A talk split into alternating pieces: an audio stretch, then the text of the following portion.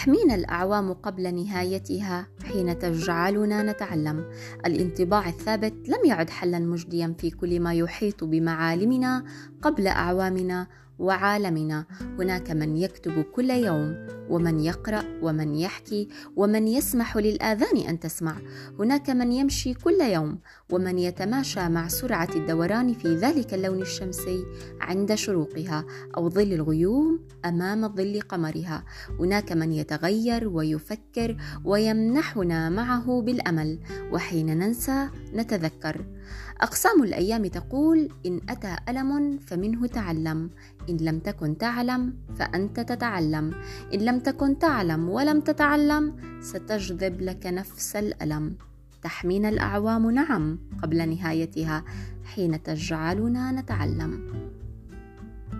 حلقة جديدة تستمعون لها من بودكاست دبس مني أنا حماس الدبس مؤسسة صفحة قصة مع حماس.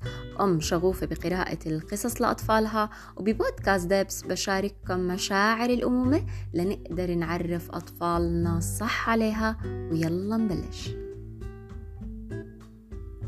على نطاق واسع في التربية تستطيع كل أم أن تعرف أن التربية صعبة صعبة في كل شيء وأن سهولتها ممتنعة في كل الأوقات. وأن الخطورة في الغياب ليس في التشابه وإن أوقات بتضل تحكي لحالها لا عين تشوف ولا قلب يحزن خصوصا إذا هي كانت المسؤولة والقائد. التكيف جدير بأنه يعطي حس المسؤولية ثابتة أمام قواعد تربوية متأصلة بالرزانة والحنية والقدرة والحزم والحب. الأم في كل يوم بتحكي أنا شو عملت بحالي؟ وبتضحك وبتبكي وبتضل تفكر. الأمومة مو سهلة. كتير صعب علينا نحن الأمهات نعيش التكيف الكامل الملتزم والمسؤول عن هاي الكائنات الحية الصغيرة. بالوقت اللي بنحكي فيه أوقات أو يمكن دائما بدنا مين يكون مسؤول عنا؟ يشيل يحمل يعين. الأم بكل يوم بيكون أكبر همومها تنام تنام بعمق تام. والحارس الشخصي لأفكارها اللي بيخلي مشاعرها تفيض بالحب والعطاء والصمود والحماية يوميا بيخليها تفكر. الاختبارات المستمرة بحياتنا اللي بتخلينا نعيش التشكيك بمشاعرنا العارضة هي مشاعر مؤقتة مو دائمة.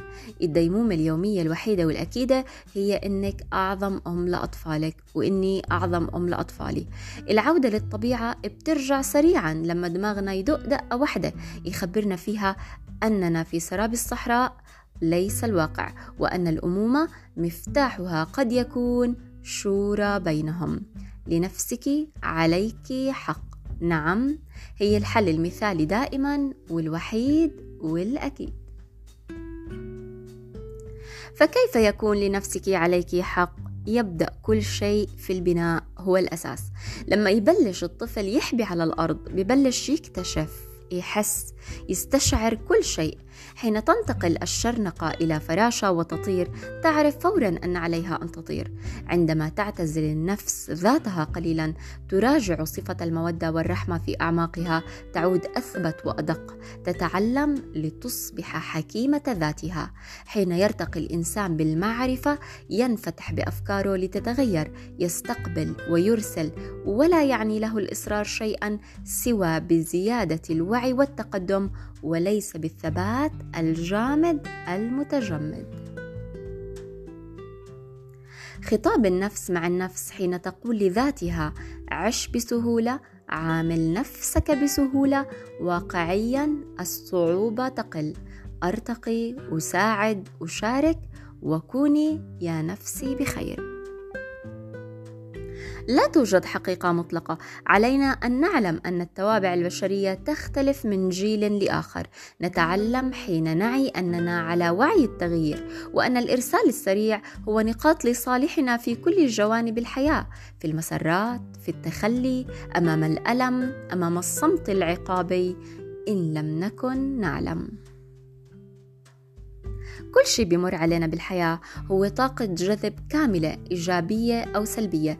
عند أنفس بتكون سريعة عند أنفس غير متقبلة عند أنفس رافضة عند أنفس متقلبة والشاطر هو اللي بيستقبل أسرع.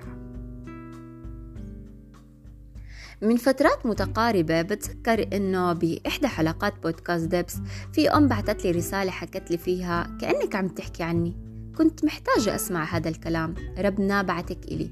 وأم تانية حكت لي لقيت معالجتي النفسية. والحقيقة أنا لست مختصة في العلاج النفسي ولست معالجة. وكل ما أملك هو أمومتي وتجاربي في الأمومة. أكتب لنفسي وأجعلها تسمع ما تكتب. أتحدث وأشارك كما أنتم وأتعلم يوميا مع أمومتي الكثير.